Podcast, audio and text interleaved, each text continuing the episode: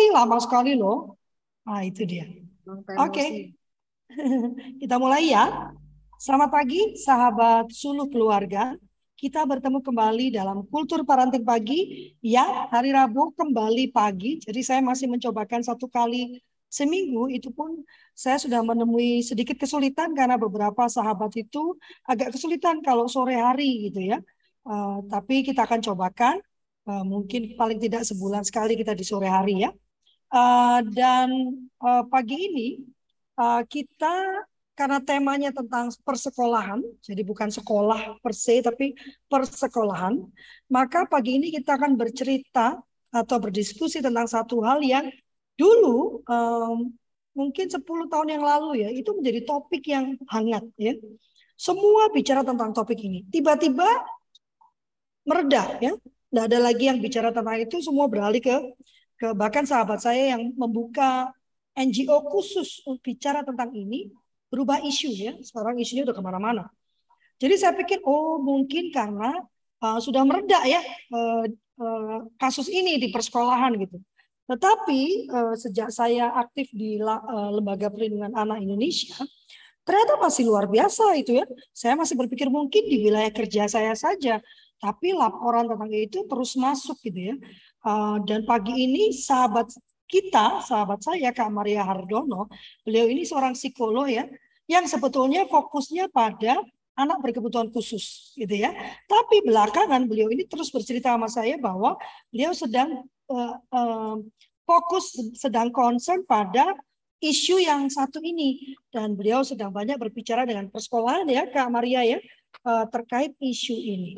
Saya pikir uh, uh, apa di operat pun kami sedang uh, pada isu ini walaupun saya gagal memenuhi uh, janji saya ya untuk meluncurkannya di bulan Agustus tapi saya rasa itu kata kita lakukan. Kebetulan Kak Maria saya baru uh, menandatangani dapat surat tugas untuk menjadi konsultan pembentukan satuan tugas uh, penanganan bullying ya di satu sekolah. Nah, saya pikir tugas saya di situ digabungkan saja dengan rencana di uh, di sehingga tetap bisa diluncurkan. Dan pagi ini kita akan bicara tentang bullying atau bahasa Indonesia-nya perundungan. Fokus perundungannya adalah perundungan yang terjadi di sekolah. Bagaimana kita menanganinya? Silakan Kak Maria. Terima kasih, Kak Lafli. Selamat pagi, kakak-kakak semua. Mudah-mudahan sehat semua ya, kakak-kakak ya. Terima kasih, puji Tuhan. Puji Tuhan. Iya, ini kalau kita ngomongin bullying tuh emang nggak habis-habis ya, gitu ya. Memang uh, di sekolah terjadi, di rumah aja bisa terjadi, di tempat kerja, di mana-mana bisa terjadi gitu. Kalau uh, sekarang hari ini kita fokus ke yang di sekolah dulu ya kayak ya. kalau kalau kita bahas semuanya soalnya satu jam tuh gak selesai gitu. Jadi uh, kita akan lebih banyak fokus tentang bullying yang terjadi di sekolah kayak apa sih sebenarnya yang sekarang gitu ya. Dulu-dulu memang sudah terjadi tadi kalau cerita 10 tahun lagi hangat bukannya sekarang terus hilang gitu nggak terbahas uh, sekarang malah naik lagi nih ternyata kasusnya belakangan ini. Oke saya akan share screen dulu. Nanti um, kakak-kakak boleh ini ya uh, menambahkan juga boleh uh, sharing juga pengalamannya gitu. Karena rasanya setiap orang uh, setiap kita rasanya pernah nih ya ngalamin dibully gitu gitu ya jangan-jangan malah kita nggak sengaja nggak sadar menjadi pembuli gitu sebentar saya share dulu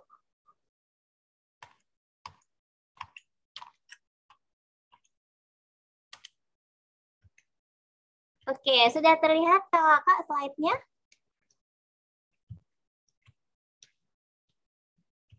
Sudah. Oke, terima, Terima kasih Sudah, untuk responnya kakak-kakak. Ya, uh, saya mohon maaf nih kali ini agak gaya-gayaannya bikin slide pakai bahasa Inggris, tapi kita akan tetap uh, bahasnya pakai bahasa Indonesia ya. Nah, uh, pertama sebelum kita masuk ke gimana cara mengatasinya, tentu saja kita harus benar-benar paham bullying tuh kayak apa sih sebetulnya gitu ya. Nah, di sini keywordnya adalah uh, ketika seseorang secara uh, sengaja itu menimbulkan merasa nggak nyaman gitu. Tapi uh, ternyata yang terjadi di sekolah dan di mana-mana kadang-kadang itu nggak nggak sengaja sengaja banget gitu. Ada orang yang memang sengaja dari awal tuh pokoknya aku mau gangguin dia gitu. Tapi ada orang yang nggak sebenarnya nggak sengaja tapi ternyata menyakiti dan melukai. Dan itu terjadi berulang-ulang gitu.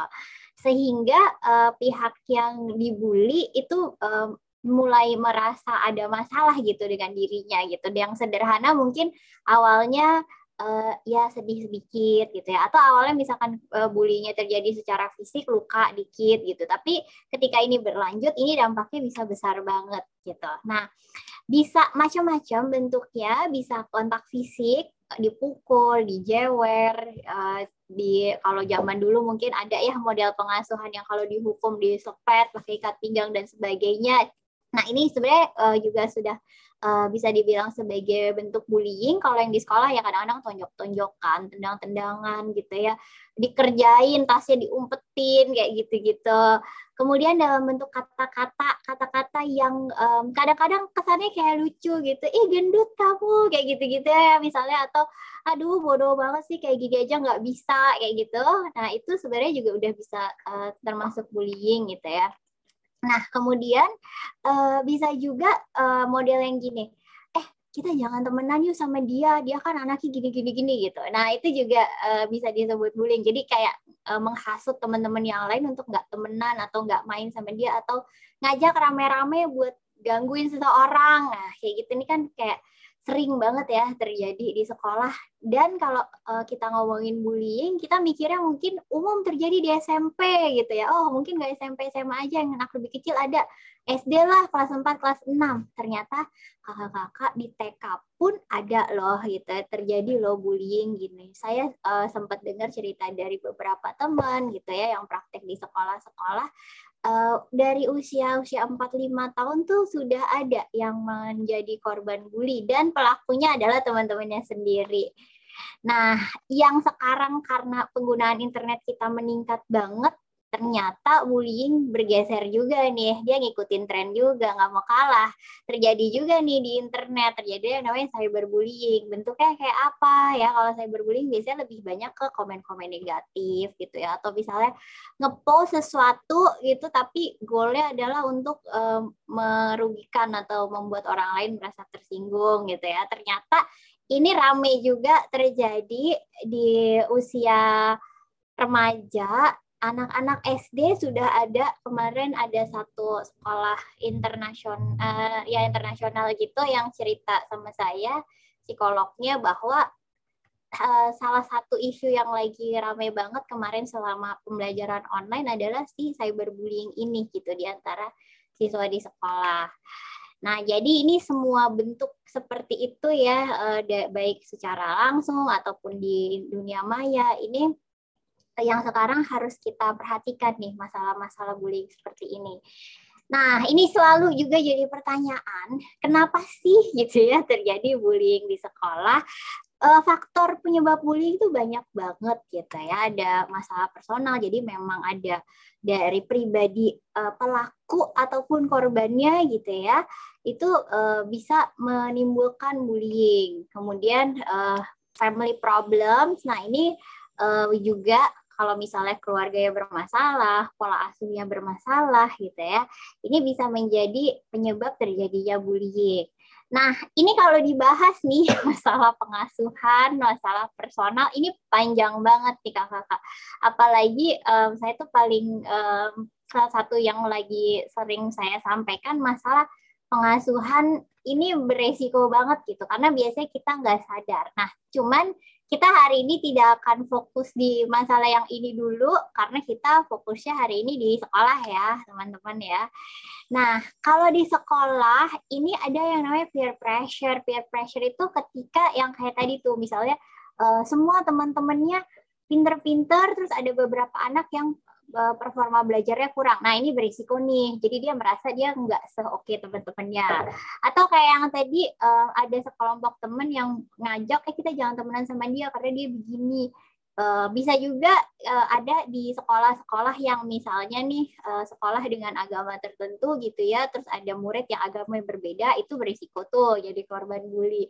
Atau yang uh, kaitannya dengan ras, jadi misalnya uh, sebagian besar uh, di sekolah itu suku bangsa tertentu muridnya gitu, terus kemudian ada beberapa yang suku bangsanya lain nah itu juga biasanya rame tuh menjadi isu bully. Jadi uh, bagaimana ketika seseorang masuk ke dalam lingkungan yang dia menjadi minoritas itu bisa banget menjadi uh, korban bully. Nah, kebetulan saya kan concern juga di anak-anak berkebutuhan khusus ya. Jadi uh, di sekolah-sekolah inklusif yang ada anak-anak berkebutuhan khususnya itu juga sering banget uh, saya dengar keluhan-keluhan anak-anak berkebutuhan khusus ini dibully gitu. Dan yang menyedihkan kadang-kadang yang memulai adalah uh, gurunya gitu. Nggak sengaja sih sebetulnya. Nggak uh, guru nggak nggak bermaksud gitu. Tapi ternyata uh, dia yang mengawali. Contohnya gini. Jadi waktu itu ada di satu sekolah gitu um, memang siswa ini kesulitan mengikuti pelajaran gitu karena kondisi kebutuhan khususnya. Kemudian uh, pada saat mengajar mungkin gurunya sudah kebingungan gimana cara mengajarinya gitu kan karena kita tahu memang uh, tidak banyak guru yang punya bekal cukup untuk uh, mengembangkan anak-anak berkebutuhan khusus. Dan memang anak-anak berkebutuhan khusus ini cukup sulit ditangani karena variasinya banyak banget. Jadi kan wajar ya kalau uh, guru bingung.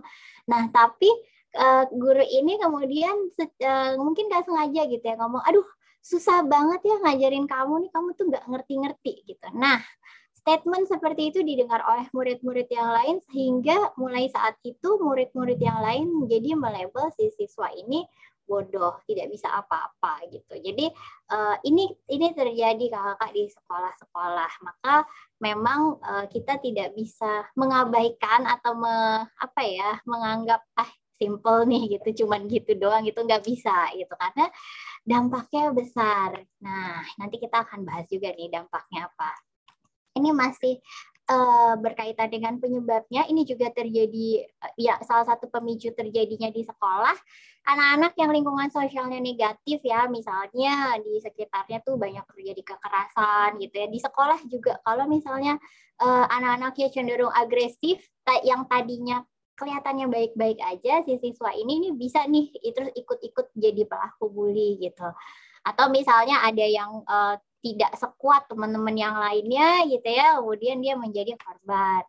Nah, yang terakhir nih yang masalah media. Nah, ini ini yang sekarang juga cukup hangat dibahas gitu kan karena penggunaan media kita meningkat uh, cukup uh, tinggi ya peningkatannya termasuk di kalangan anak-anak. Ini kadang-kadang anak-anak itu mengkonsumsi konten yang tidak sesuai usianya. Bahkan um, ketika kita mau download app itu kan kita udah bisa lihat ya ini untuk usia berapa gitu. Nah sebenarnya kalau e, orang tua menggunakan panduan itu itu masih relatif lebih aman gitu. Tapi kalau menurut risetnya ternyata sebagian besar orang tua tuh nggak menggunakan patokan usia itu gitu kan. Jadi kalau aplikasinya tulisannya untuk 7 plus itu kan aman untuk anak umur 7. Tapi ternyata ada nih uh, anak-anak umur 4 atau 5 tuh yang udah uh, main game itu gitu. Nah, demikian juga dengan film dan sebagainya. Jadi Uh, makanya uh, memang beresiko ketika anak-anak banyak mengkonsumsi konten yang mengandung kekerasan, main game berantem, tembak-tembakan gitu ataupun film, nah itu bisa juga memicu dia untuk uh, menjadi pelaku. Kenapa? Karena yang sesuatu yang kita lihat, sering kita lihat sehari-hari, lama-lama jadi biasa. Tadinya ngeri nih ngelihat tembak-tembakan, tapi karena sering jadi biasa aja gitu. Nah kalau menjadi biasa aja jadi kayak oh nggak apa-apa kok mukul, oh nggak apa-apa kok nendang kayak gitu. Nah ini makanya kenapa ketika ngebahas parenting selalu disarankan untuk biasakan untuk uh, melakukan pelak, uh, perilaku yang baik supaya anak-anak tuh di pikirannya mereka yang yang harus dilakukan tuh yang baik-baik ini gitu. Nah kira-kira penyebab-penyebabnya atau pemicu-pemicunya ini kakak-kakak di luar ini masih banyak lagi rasanya, cuman ini poin-poin besarnya ya. Nah, ini gejala-gejalanya wajib tahu banget untuk semua guru dan juga orang tua uh, ketika ada perubahan perilaku atau mood. Jadi misalnya di sekolah biasanya anaknya rajin tanya, eh tiba-tiba dia jadi diem. Atau misalnya di sekolah uh, kelihatannya biasanya ceria, tiba-tiba kenapa jadi menyendiri, misalnya kayak gitu. Jadi kalau ada perubahan perilaku, apa pun itu, itu kita harus cek. Gitu. Karena anak membuka bahwa dia menjadi korban bully itu bukan hal yang gampang gitu. Jadi kayak eh, orang dewasa yang harus peka. Kemudian anaknya mulai menghindari sekolah, jadi takut ke sekolah, nggak mau ikut pelajaran, nggak mau ikut ekskul mungkin. Biasanya semangat banget ikut basket, tiba-tiba nggak mau ikut basket, uh, bolos, uh, cari-cari alasan gitu.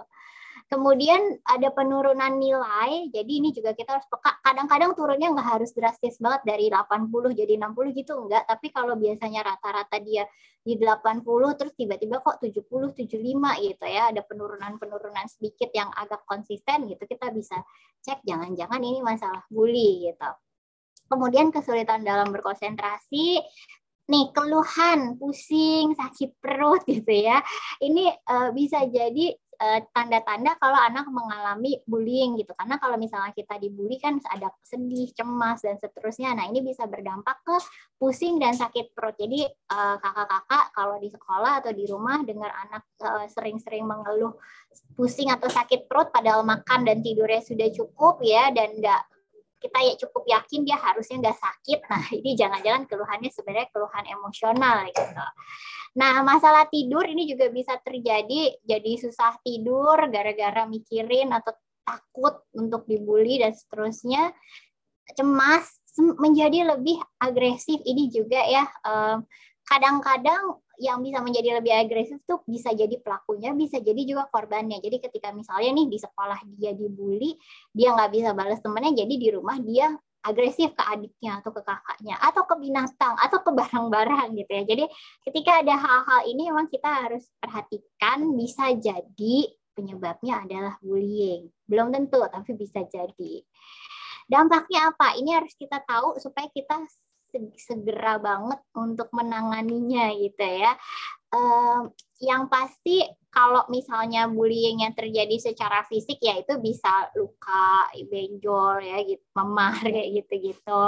Uh, atau bisa juga uh, misalnya pun bukan bullying fisik tetapi biasanya berdampak ke arah stres ya. Kalau stres menjadi sakit perut, terus kondisi uh, kesehatannya menurun gitu. Kemudian uh, secara uh, emosi dan sosial ini uh, masalah dalam pertemanan, kemudian uh, mudah marah gitu ya, perubahan mood tadi sedih, murung, mengunci diri di kamar yang kayak gitu-gitu. Uh, kemudian secara akademik biasanya juga terjadi penurunan gitu. Ini yang bisa kita perhatikan uh, kenapa sih kita harus banget uh, menangani ini di sekolah dengan segera. Kalau misalnya turun nilainya semakin banyak, semakin lama kan kasihan ya, semakin tertinggal, performanya jadi semakin buruk nanti. Kemudian kalau misalnya nggak disegera ditangani, masalah moodnya terjadi berkepanjangan itu juga beresiko. Kemudian ketika ada gangguan fisik gitu sakit perut atau stres yang berkepanjangan ini juga bahaya. Maka emang harus banget ditangani. Dari tadi ngomong bahaya bahaya gitu emang seberapa bahaya sih? Nah ini long term efeknya nih kakak-kakak. Kalau tadi mungkin yang terjadi satu dua bulan setelahnya ini bisa jadi dampak yang terjadi puluhan tahun kemudian gitu ya. Itu um, ini yang yang penting adalah ternyata yang bisa mengalami dampak uh, negatifnya itu bukan hanya pelaku uh, korbannya tapi pelakunya juga kan kita sering kali mikir yang harus diperhatikan korbannya karena dia udah dibully dia pasti sedih dan sebagainya tapi ternyata uh, kakak uh, pelaku pun punya uh, berisiko untuk mengalami long term efeknya gitu. Nah uh, masalahnya uh, masih seputaran dia akan kesulitan untuk beradaptasi, masalah psikososial ya, relasi dengan orang lainnya bisa terganggu, nanti performa kerjanya bisa uh, bermasalah gitu ya, dan yang uh, sering terjadi juga risiko untuk menjadi uh, eh, untuk didiagnosa mengalami gangguan psikologis tertentu ketika dewasa itu lebih besar. Kalau seseorang pernah dibully atau pernah menjadi pelaku bullying. Gitu. Jadi perlu ya kita segera-segera menangani. Tapi gimana caranya? Nah, ini dia kita masuk ke poin yang uh, terpenting dari uh, pembahasan kita hari ini gimana sih caranya gitu ya. Yang uh, biasanya tuh kalau dulu mikirnya gini, oke, okay, kalau ada terjadi bullying berarti yang membuli itu harus dihukum seberat-beratnya, dia harus diskors kayak gitu-gitu ya. Dulu itu modelnya seperti itu. Ternyata itu kurang efektif kakak-kakak ya. Sebetulnya kalau kita pengen banget sekolah kita atau rumah kita itu bebas bully, yang harus kita bangun adalah relasi positif. Ya kalau di sekolah berarti pertemanan yang positif. Gimana caranya uh, pertemanan ini dibangun dengan sehat. Jadi di sekolah tuh jangan sampai ada persaingan gitu. Jangan sampai ada murid yang merasa aku lebih hebat dari dia. Dia nggak bisa, aku bisa. Atau kompetisinya tinggi banget. Pokoknya kalau nggak uh, dapat nilai bagus tuh berarti nggak oke okay, kayak gitu-gitu ya. Uh, jadi kita usaha ya usahakan pertemanan yang sehat. Nah, pertemanan yang sehat adalah ketika siswa-siswanya itu bisa saling berempati, bisa saling memahami. Nih, pro-social behavior tuh contohnya kita membantu, kita berbagi gitu ya. Kita saling membuat teman-teman merasa nyaman gitu. Nah, ini yang harus diupayakan di sekolah. Kalau lingkungannya uh, positif nih, kalau diperhatikan di sekolah-sekolah yang memang siswa-siswanya tuh terbiasa untuk helping, untuk uh, berbagi, untuk support, untuk saling memberi apresiasi, itu bullyingnya cenderung rendah gitu. Tapi di lingkungan sekolah yang relasi antara pertemanannya itu nggak dibangun gitu ya, udah pokoknya belajar belajar aja di sekolah gitu.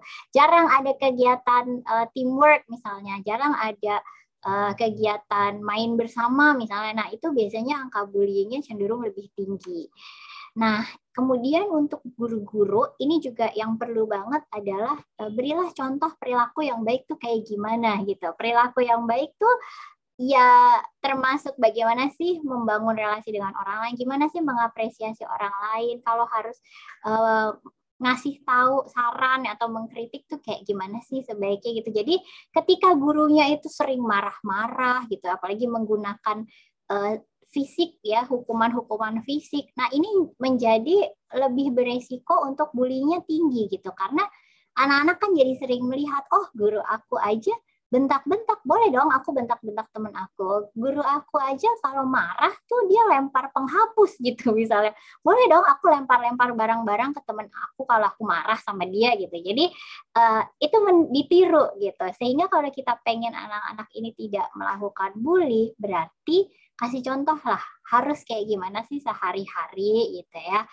Nah makanya nggak nggak heran kalau misalnya kita uh, masih melihat banyak kasus bullying di sekolah ketika kita masih banyak membaca berita-berita guru yang begini, guru yang memperlakukan muridnya begitu gitu. Uh, muridnya ketiduran waktu itu saya sempat baca berita, muridnya ketiduran uh, sama gurunya dibangunin tapi diguyur air gitu. Lucu kan kesannya gitu. Tapi kan ini contoh uh, perilaku yang tidak baik ya. Sebenarnya kalau misalkan ketiduran ya marah pasti ya sebagai guru siswanya tidur tapi kalau misalnya kita bisa memberi contoh, oke okay, kalau ada yang salah itu kita mengampuni gitu ya. Kita memperlakukan dengan tetap baik kan tujuannya dia bangun terus dia ikut pelajaran lagi. Ya udah kenapa nggak dibangunin aja baik-baik? Misalnya kayak gitu. Jadi memang untuk bisa model good behavior ini memang kita perlu banget uh, bisa mengelola emosi kita dengan baik gitu. Nah, kemudian kita perlu juga membangun sistem, membangun peraturan-peraturan anti bullying gitu. Jadi uh, gimana sih peraturan di sekolah itu kita bentuk supaya memang uh, kita nggak terima ada bullying di sekolah. Jadi misalnya uh, begitu ada kasus bullying itu selalu segera ditangani. Atau dari awal memang sudah ada peraturannya, dilarang memukul, dilarang uh, apalagi gitu perilaku perilakunya misalnya eh, kita nggak terima kalau misalkan ada kata-kata negatif di kelas gitu langsung gurunya negur misalnya kayak gitu. Jadi atau eh, menginisiasi dari awal pokoknya dari sepanjang hari ini eh, saya sebagai guru cuma mau dengar kata-kata positif ya gitu. Semakin banyak kamu mengapresiasi teman kamu, berarti kamu jadi juara hari ini, misalnya kayak gitu. Jadi dibuat sistem anti bullying di sekolah gitu. Dan ini satu juga yang menarik. Saya baru berapa uh, hari lalu dengar satu cerita dari salah satu sekolah uh, di sekolah ini ada beberapa murid yang memang membuli teman-temannya gitu.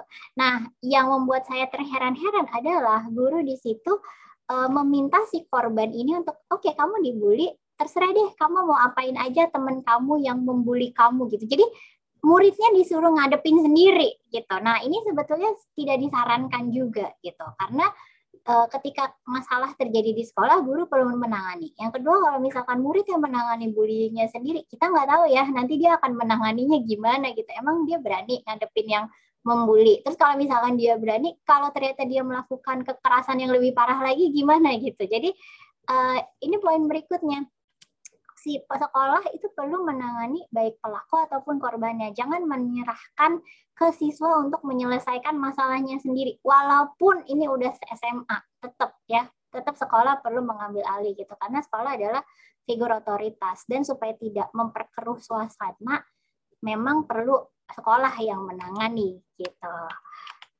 Nah, ini untuk guru-guru dan uh, pihak sekolah beberapa saran-saran praktisnya ya. Kita perlu menginvestigasi kita perlu mencari tahu. Begitu kita merasa oh kayaknya ada yang dibully nih.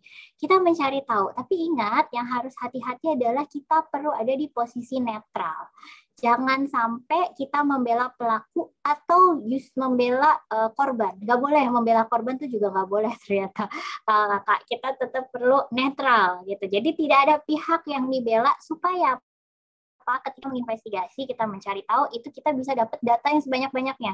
Biasanya kalau kita udah memihak, kita akan cenderung uh, menutup mata gitu ya atau fokus hanya apa yang mau kita cari gitu. Jadi ada data-data lain yang uh, terlewatkan gitu. Jadi emang kita perlu banget untuk netral gitu.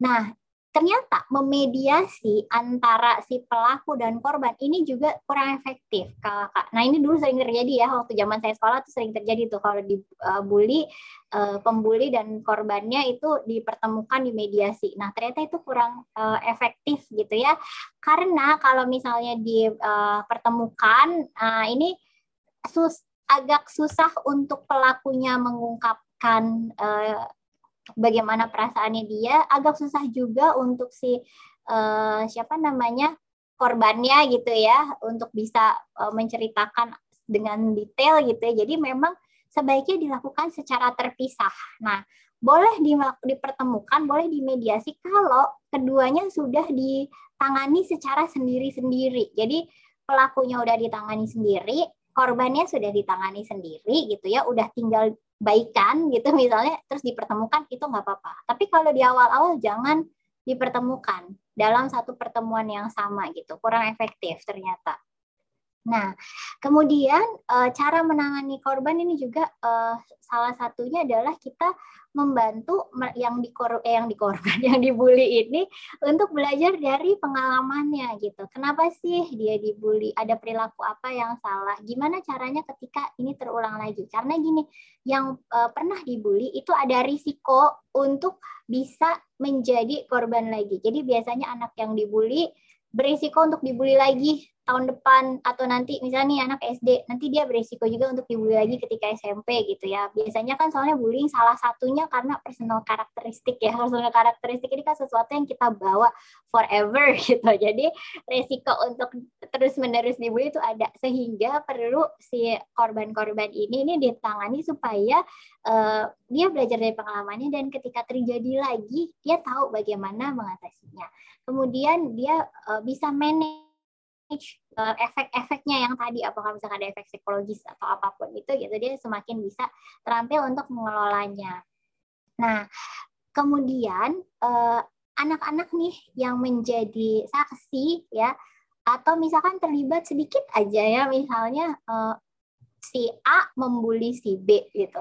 Nah, si A ini membuli si B gara-gara dikompor-komporin sama si C gitu. Nah, si C ini uh, dikompor-komporin dapat ide dari si D misalnya. Nah, ini A, C sama D semua tuh harus ditanganin gitu. Jadi, walaupun terlibatnya secara tidak langsung, keterlibatan kecil itu perlu ditanganin juga gitu. Karena misalnya nih tadi uh, si, satu orang ini nih yang menjadi yang punya ide awalnya gitu itu kan kita perlu tangani supaya jangan sampai uh, ini terulang lagi gitu. Dan kita perlu gali kenapa sih dia sampai punya keinginan untuk membuli gitu? Karena kalau uh, punya keinginan untuk membuli biasanya itu ada masalah personal gitu. Ada masalah personal yang kalau ini masalah nggak diselesaikan itu resikonya bisa either dia membuli atau dia melakukan yang lain-lain lagi yang membahayakan dirinya atau orang lain gitu. Jadi ketika ada uh, kita tahu ada seseorang yang berintensi untuk melakukan sesuatu yang tidak baik, nah ini nih kita tangani segera supaya jangan sampai melakukan yang uh, lebih bahaya lagi gitu. Nah, ini uh, yang hati-hati juga jangan sampai um, menyalahkan korban. Karena korban itu nggak usah diapa-apain ya nggak usah kita ceramain aja dia udah sedih gitu kan karena udah dibully. Jadi memang harus hati-hati banget gitu. Dan kadang kadang-kadang ada korban yang ketika sekolahnya uh, treatmentnya itu jadi uh, semakin takut semakin uh, sedih semakin cemas gitu. Maka memang harus hati-hati banget yang namanya kita menghandle korbannya gitu Oke, uh, sekian materi dari saya. Kita masih ada waktu. Silahkan kakak-kakak kalau ada yang ingin bertanya atau sharing pengalamannya. Wah, langsung angkat tangan daging banget ya. Oh, hari ini ya. Kak Febi silakan. Ya, selamat pagi Kak Lafli dan Kak Maria. Terima kasih pagi, Kak. bagus banget. Ini kayaknya uh, isu yang pas apa ya yang tidak bisa dihindari sama semua orang semua anak. Kayaknya rentan gitu ya. Baru kemarin juga dengerin dua dua teman cerita anaknya jadi korban bullying jadi jadi punya concern gitulah. Nah pertanyaanku uh, kalau kita nih sebagai orang tua nih uh, misalnya tahu anak kita jadi korban bullying gitu kak. Idealnya tuh apa yang harus dilakukan sih kak? Kadang kan sebagai orang tua kita mungkin terpancing untuk uh, apa ngomong langsung sama orang tua anaknya. Uh, atau ya uh, yang namanya emosi kan ya kalau anak kita di sakitin sama orang lain kan kadang-kadang nggak bisa berpikir jernih gitu. Mungkin bisa diarahkan kayak gimana tuh uh, seharusnya orang tua bertindak ketika anaknya jadi korban. Terus yang kedua gimana ya menanamkan apalagi kan untuk usia-usia anak sekolah gitu uh, peer pressure tuh kayak susah banget deh untuk dihindari gitu ya apalagi ada perasaan ingin diakui sama teman gitu ketika uh, ada teman lain yang ngajakin tem apa anak kita untuk udah yuk musuhin si dia aja yuk gitu. Kan kayaknya susah untuk menolak gitu. Kalau menolak takutnya jadi nggak diterima lagi sama kelompoknya. Itu kita bisa membekali apa ya terkait itu ke anak. Terus yang ketiga nih terakhir. Maaf ya kak. Ada tiga. Yang terakhir uh, gimana ngajarin ke anak gitu. Misalnya dia disakitin sama teman kalau orang dulu kan mungkin kalau kamu dipukul ya dipukul balik aja temen kamu gitu, dorong-dorong balik gitu. Yang bijak tuh gimana sih Kak kalau misalnya dia mendapat perlakuan kasar seperti itu? Itu aja sih Kak. Terima kasih Kak Maria dan Kak Lovely. Oke, okay, Kak. Wah, banyak pertanyaannya diborong. Nanti kalau ada yang saya lupa tahu diingetin ya Kak Lafri.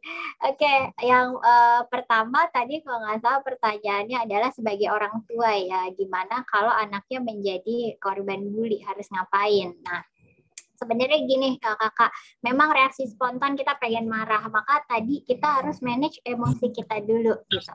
Ketika anak kita dibully bully ini yang nggak ingat. Walaupun kita sekesel-kesel apa pun gitu ya sama orang yang membuli pasti ada sesuatu di anak kita nih sehingga dia dibully. Itu yang harus kita cari tahu apa gitu. Apakah ada uh, kelemahannya kah atau apanya gitu yang membuat dia menjadi dibully. Kita uh, lebih baik kalau kalau ini pendapat pribadi ya memang nggak ada rumus teorinya tapi kalau menurut saya lebih baik kita fokus menangani anak kita uh, sehingga ketika next misalnya dia menghadapi challenge yang lain itu dia jadi lebih strong daripada kita fokus untuk ngebales pengen marahin anak yang ngebully tadi gitu. Karena uh, itu udah jadi orang tuanya gitu kan sebetulnya. Maka ketika kita udah bisa bereaksi uh, mengelola emosi dan netral, kita ngobrol sama anak kita gitu, mencari tahu gitu kronologinya kayak apa sih, terus perasaan kamu kayak gimana gitu, kamu pengennya apa gitu, kira dan sampai kita diskusi Eh, kira-kira apa yang kita bisa lakukan nih? Apa yang bisa kamu lakukan untuk mengatasi ini gitu? Kamu berani nggak ngomong sama teman kamu? Berani nggak misalnya kamu lapor ke guru kamu kayak gitu-gitu. Jadi kita plan untuk dia menyelesaikan masalahnya gitu. Kalau misalnya memang ternyata tidak mampu untuk menyelesaikan masalahnya, kita harus tahu kenapa gitu. Kenapa dia nggak berani? Kenapa dia merasa begitu minder gitu? Nah berarti uh, kelemahan-kelemahan di diri anak inilah yang harus kita kembangkan gitu. Kalau biasanya tuh yang jadi um, kalau kalau dibully itu kan udah terus takut, terus cemas gitu. Oke, berarti kita harus ajarin anak kita untuk mengelola ketakutan, mengelola ketakutan gitu. Jadi hal-hal yang masih kita lihat, oh dia belum bisa ini, oh ternyata dia uh, kesulitan di sini, di sini, di situ ya, yang kita kembangkan di anak kita supaya dia akan semakin kuat. Biasanya nih anak-anak yang berani, keterampilan sosialnya baik, bisa mengelola emosi, itu dibully tuh nggak kenapa-napa gitu. Bahkan resiko untuk dibulinya kecil kalau kemampuan sosialnya tuh baik gitu. Kalau dia bisa make friends dengan teman-temannya, bisa bikin teman-temannya suka sama dia gitu, nyaman. Itu um, jarang tuh bisa bisa dibully. Makanya kita kalau kita ingat zaman dulu zaman kita sekolah ya, yang sering dibully adalah mereka yang temennya nggak banyak kan. Kalau populer, kalau si uh, anak anak yang terkenal di sekolah disukain sama teman-temannya itu biasanya jarang tuh untuk dibully gitu. Dan kalaupun misalnya dia dibully dia ya santai aja gitu. Misalnya ah kribo lu gitu jelek gitu ya. Soalnya emang rambut gue gini dari lahir gitu kan. Responnya biasa aja. Jadi nggak nggak kenapa-napa gitu dibully. Maka uh, hal itu yang sebenarnya perlu kita uh, bekali dari anak kita gitu. Nah, tadi yang kedua pertanyaan saya udah lupa kalah Jadi apa ya? Gimana supaya anak nggak terpancing untuk ikut-ikutan jadi uh, pembuli atau ikut-ikut musuhin anak lain gitu kak? Oh, oke okay, oke, okay. thank you diingetin Kak Febi. Iya, jadi sebenarnya gini, uh, salah satu hal yang penting juga yang dibangun uh, pada saat anak masih kecil ya sampai terus nanti dewasa adalah konsep diri yang positif. Kalau anak punya gambaran diri yang positif, dia dapat peer pressure nih, dia mau diapa-apain, dia tuh fine gitu. eh, orang-orang untuk mungkin kita nih yang biasanya terganggu dengan kritikan negatif dari orang lain, itu karena kita sendiri tuh masih belum kuat uh, konsep dirinya, masih iya ya, gue kayak gitu ya, aduh aku jelek ya, aduh aku ternyata nggak pinter ya kayak gitu, belum bisa menerima diri gitu. Maka memang dari kecil kita perlu bisa uh, melatih anak-anak kita, apa pun kondisinya, mereka perlu bisa menerima dan memahami dirinya. Jadi ketika dia dibully nih gitu ya, atau diajak untuk uh, membuli orang lain, kamu kalau nggak musuhin dia, uh, nanti kita nggak mau temenan lagi nih sama kamu. Nah, kalau anak konsep dirinya lemah, dia akan takut, aduh nanti aku nggak punya temen gimana gitu. Tapi kalau dia konsep dirinya positif gitu ya, posi uh, dia tangguh, nggak nggak punya temen, ya udah nggak apa-apa, aku bisa temenan sama yang lain gitu. Atau dalam hati dia gini, yakin lo nggak mau temenan sama gue, kan gue yang populer di sekolah ini gitu, punya bisa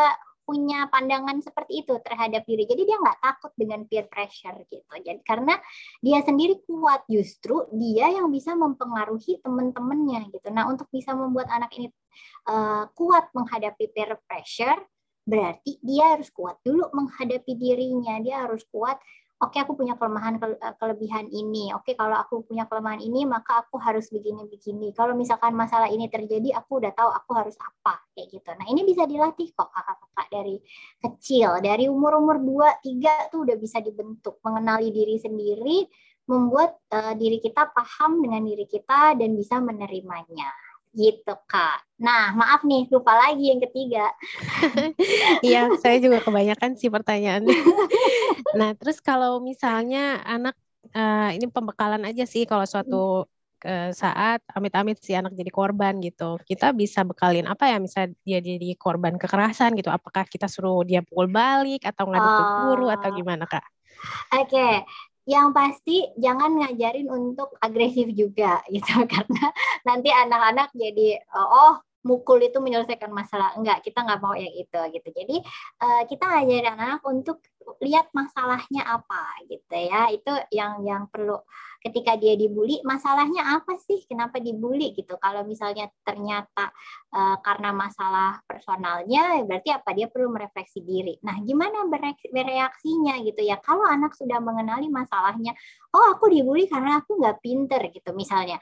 Sementara dia nggak pinter ya memang memang karena dia dari lahir ya IQ-nya segitu memang struggling di sekolah gitu dia bisa ketika dia dibully dan dia udah kenal sama dirinya dia dia akan bilang ya emang aku kelemahannya di sini tapi kan aku jago ini kamu nggak bisa. Bisa ngebales kayak gitu ya.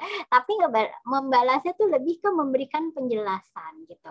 E, lalu kalau yang yang bisa juga adalah kalau di sekolah melapor ke guru gitu. Jadi e, jangan menangani sendiri karena resiko untuk berkepanjangan itu lebih gede gitu ya. Kalau misalkan e, dia menangani sendiri maka perlu juga untuk uh, melatih supaya bisa komunikasi ke guru. Kemudian uh, selain itu juga cerita ke orang tua. Nah, ini relasi yang baik dengan anak-anak nih kuncinya supaya anak-anak bisa terbuka dengan orang tuanya. Kayak gitu. Terus yang berikutnya lagi adalah uh, kita berhubungan baik juga dengan gurunya supaya kalau misalkan anaknya kenapa-napa nih, nih gurunya tuh nyaman nih cerita sama kita ke orang tuanya. Gitu Kak, kira-kira. Ya, makasih banyak ya Kak, udah Sama. menjawab semuanya. Ya, Lengkap. Bagaimana teman-teman yang lain? Ada yang mau bertanya juga? Saya percaya. Ya, silakan Kak Leli.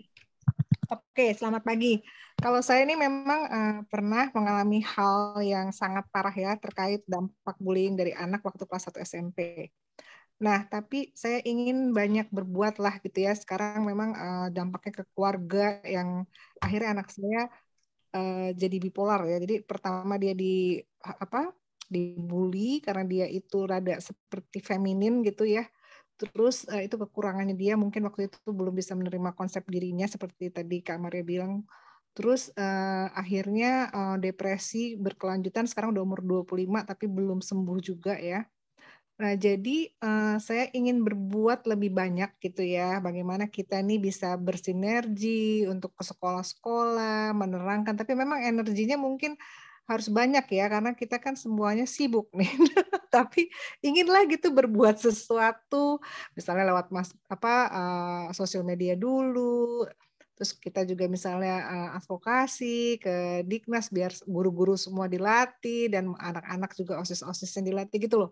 Jadi misalnya bersama sama uh, apa uh, perkumpulan psikolog atau bagaimana gitu loh kak. Ada ide-ide nggak sebenarnya supaya kita tuh bisa merubah lah gitu. Uh, soalnya korbannya tuh udah banyak dan ternyata tuh menderita seumur hidup ya dan keluarganya juga menderita ya. Gitu. Terima kasih kak. Menarik, menarik. Apalagi first hand ini ya, experience ya. Melihat sendiri dampaknya terhadap anak ya. Silakan Kak Maria. Ada ide nggak? Ya, ya betul ya. Memang uh, bisa berdampaknya sampai panjang gitu dan sampai ke masalah kepribadian ini agak banyak juga isunya gitu ya. Kalau idenya adalah uh, yang perlu kita ingat kalau kita pengen stop dan mencegah bully itu memang satu kita perlu membangun lingkungan yang positif. Itu yang paling gitu ya paling gitu. Ketika ini di keluarga aja nih kalau misalnya kita hangat kita saling sapa kita saling apresiasi ketika anak melakukan kesalahan kita nggak serta merta langsung menghukum tapi ngajak ngobrol diskusi oke okay, kamu melakukan kesalahan ini maka kamu akan dapat konsekuensi ini gitu. Kita bikin kesepakatan seperti itu dan itu diterapkan.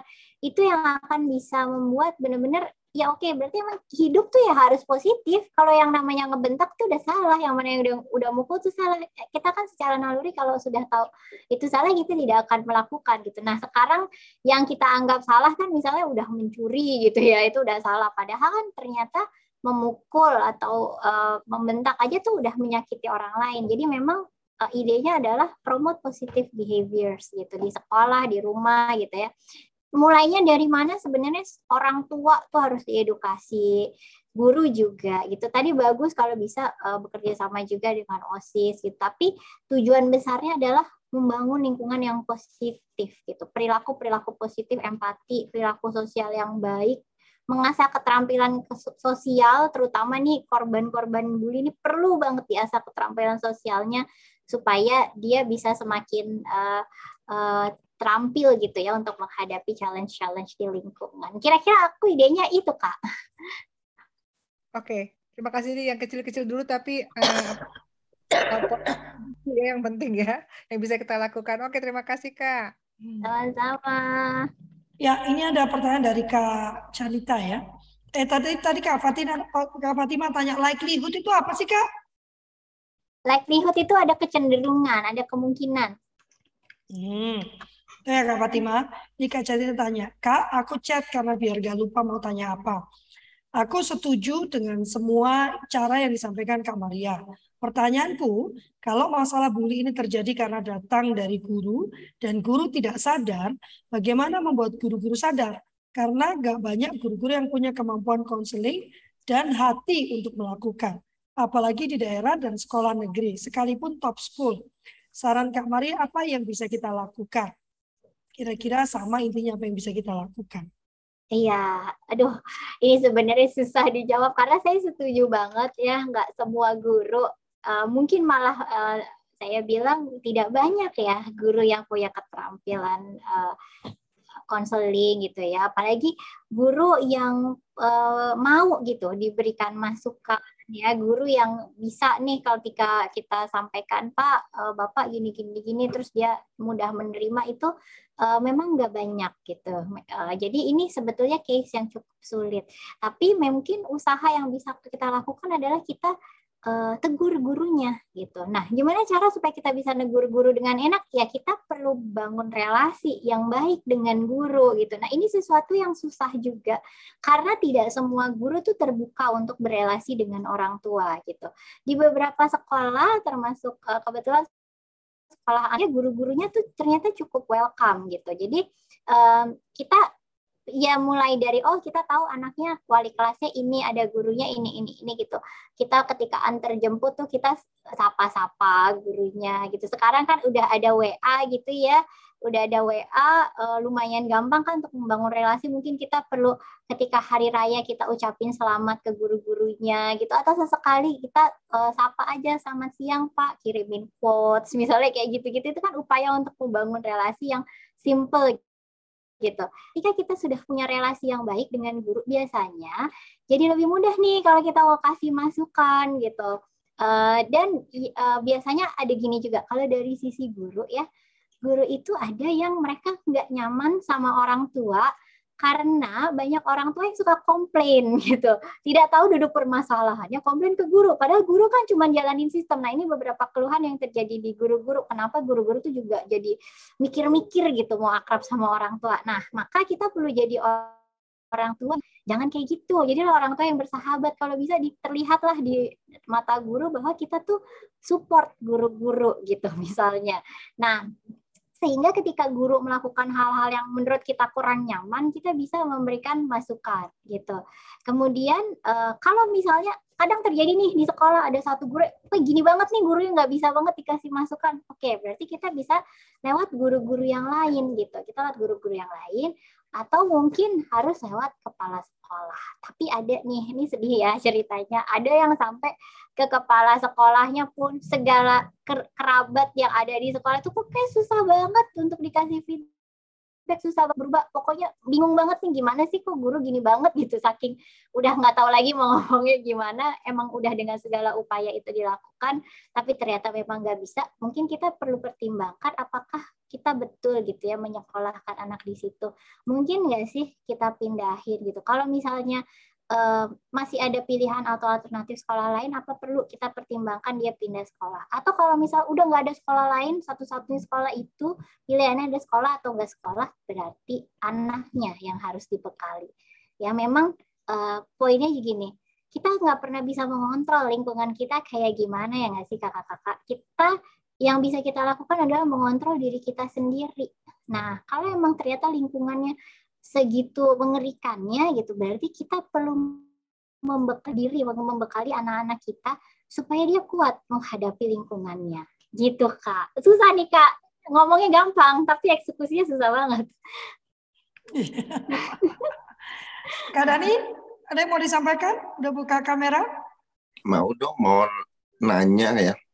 Terima kasih ya Kak Maria untuk sharingnya. Uh, luar biasa. Uh, dari maksudnya dari apa yang ada di pikiran saya dari semua yang tadi uh, Kak Maria cerita itu kayaknya semua urusan eksternalnya itu kayaknya nggak bisa kita kontrol gitu seolah-olah ya. Gitu maksudnya kita nggak bisa uh, untuk uh, bawa teman-teman yang nggak ngebully ya kalau nggak sekarang bisa dihandle sekarang nggak? Uh, nanti berapa tahun lagi ya akan ada lagi gitu dan selalu ada yang yang anak-anak yang suka ngebully itu terus juga tadi dibilang bahwa oh uh, mungkin juga kita mantu, minta bantuan guru kalau gurunya bisa diajak komunikasi kita bisa bangun hubungan gitu. Kalau enggak, ya enggak bisa juga gitu. Uh, ada nggak sih maksudnya uh, satu apa mungkin nggak itu dimasukin ke dalam apa kayak kurikulum kah atau apa yang tadi Kak Maria bilang itu ya keterampilan sosial itu gitu yang itu yang membuat si anak ini bisa bisa kuat ya walaupun uh, ya selalu dari pasti ada ada dari luar itu pasti ada aja gitu tapi anak ini menjadi kuat jadi uh, itu kayak bikin tubuh dia imun sendiri ya, bikin dia imun daripada uh, seperti itu. Entah itu karena dia cuek atau karena memang dia pede atau apa pun juga gitu. Atau mungkin ada nggak tempat di mana anak bisa belajar mengenai hal itu sehingga ya kasus bullying ini pasti ada tapi udah nggak akan berefek gitu karena anak-anak itu menjadi anak yang kuat yang nggak ter terimpact kepada bullying itu. Makasih Kak Maria.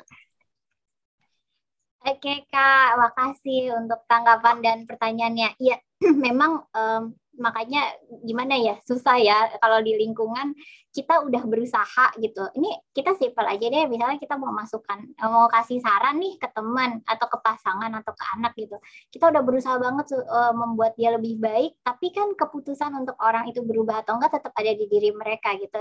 Uh, that's why saya selalu bilang memang kita usaha boleh tapi ketika itu berhasil kita bersyukur ketika itu gagal ya mau gimana lagi? Karena kita emang nggak bisa mengontrol banyak hal kan di sekitar kita. Nah ini menarik ya untuk dimasukkan ke kurikulum. Saya setuju banget dan ini uh, kalau bisa dilakukan itu bagus. Sayangnya saya juga nggak ada di kementerian kan ya kak ya. Jadi um, memang harusnya ya harusnya kalau misalnya mau itu bisa sih dimasukkan di kurikulum sekolah dimasukkan atau misalnya pun tidak ada di kurikulum nasional si sekolahnya sendiri yang membuat sistem untuk uh, diadakan kegiatan-kegiatan uh, social skills gitu ya atau sistem yang mengatur pokoknya anak-anak tuh harus saling support harus ramah kayak gitu itu tuh bisa membangun iklim sekolah seperti itu bisa karena ada sekolah-sekolah yang seperti itu tuh ada gitu kakak-kakak nah Uh, kemudian yang yang caranya gimana sih supaya anak tuh bisa imun gitu ya tadi istilahnya.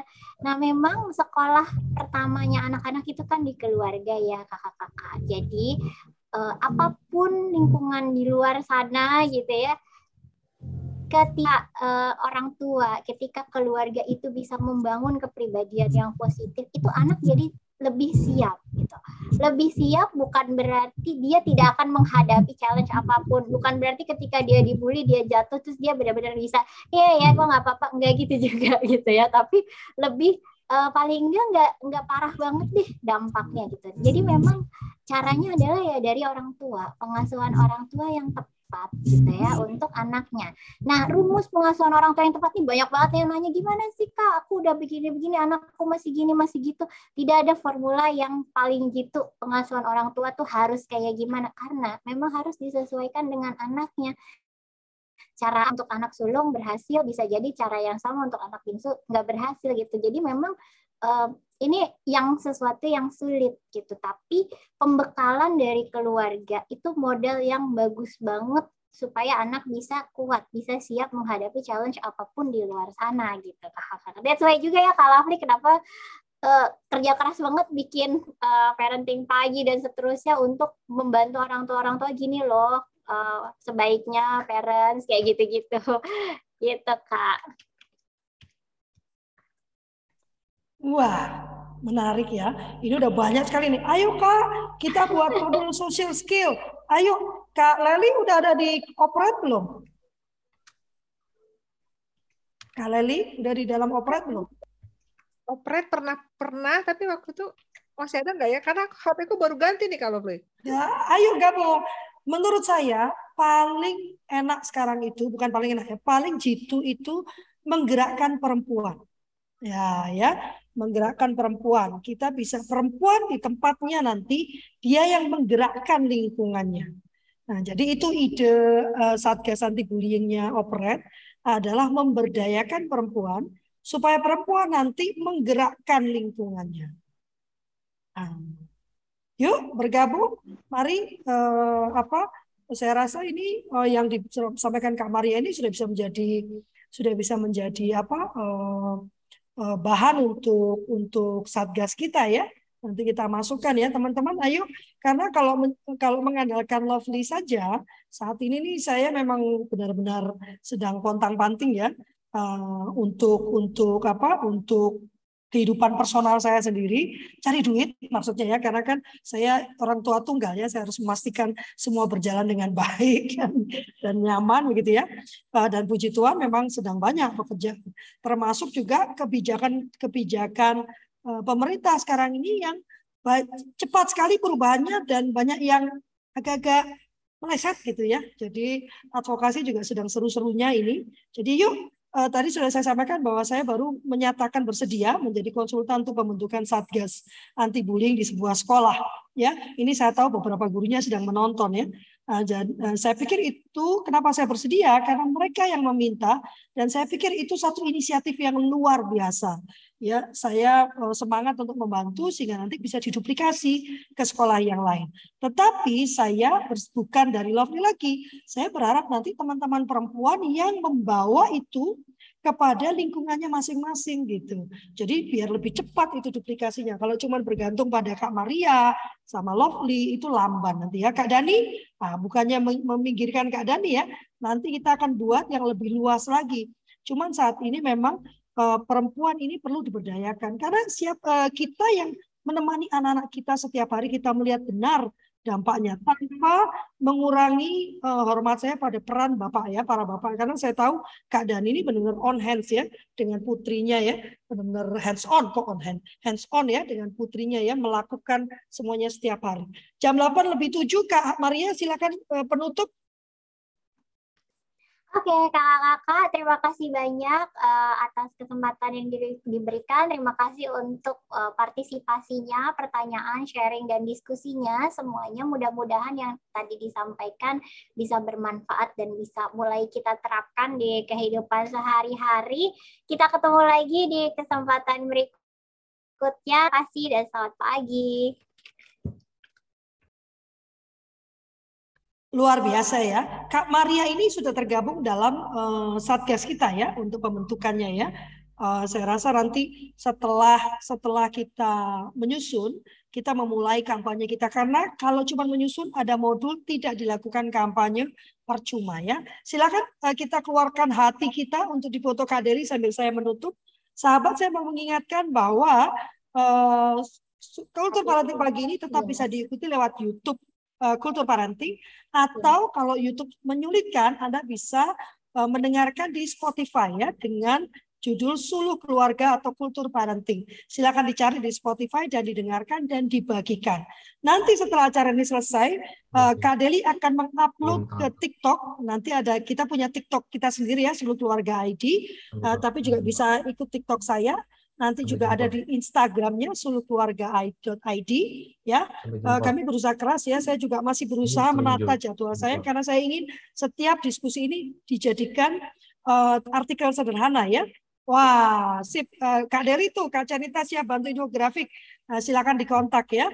Uh, yuk kita saya akan coba berbagai cara agar makin banyak orang tua yang bisa kita jangkau ya uh, supaya makin banyak anak-anak yang diselamatkan. Terima kasih banyak atas nama kami semua. Kami berterima kasih atas kehadiran teman-teman. Pendeta Adi, saya senang sekali pendeta rajin sekali sekarang ya. Tapi saya merindukan Ibu Pendeta Adi di sekarang. Ya, ya, nanti nanti saya bilang. Ya. Berduaan dong berjajar begitu ya. ya Ini satu persatu. Kalau bapaknya ada, ibunya nggak ada, Pak. Iya, waktunya, waktunya soalnya. Iya, ya. Tapi tetap saya berterima kasih pendeta. Semoga bisa diteruskan ke teman-teman di sana ya apa yang sudah kita bicarakan. Uh, kemudian kami memohon maaf yang sebesar-besarnya apabila ada pernyataan, perkataan, sikap atau gestur yang kurang berkenan. Kami tidak ingin menghina, kami tidak ingin memojokkan, kami tidak ingin menghakimi, kami tidak ingin menggurui. Kami hanya ingin membagikan apa yang menjadi keyakinan kami dan yang kami kerjakan atau paling tidak yang kami usahakan ya terus kami kerjakan dalam kehidupan kami sehari-hari. Kita bertemu lagi di hari Jumat. Nah, saya selalu lupa siapa hari Jumat ya, tapi sudah oke okay acara di hari Jumat, jadi silakan hadir di hari Jumat eh, jam 7 pagi. Terima kasih. Wassalamualaikum warahmatullahi wabarakatuh. Tuhan memberkati. Terima kasih pendeta. Pendeta Amin. Terima kasih Kak Maria kalau Terima Terima kasih. Cerita nanti Kak Maria, eh, terima kasih. Daily kontak ya. Terima kasih pendeta kasih Amin. semua berkati. kebersamaan. Pak Irwan, semangat. Always. Ya, tetap sehat ya. Kita masih harus bertemu. Pamit ya.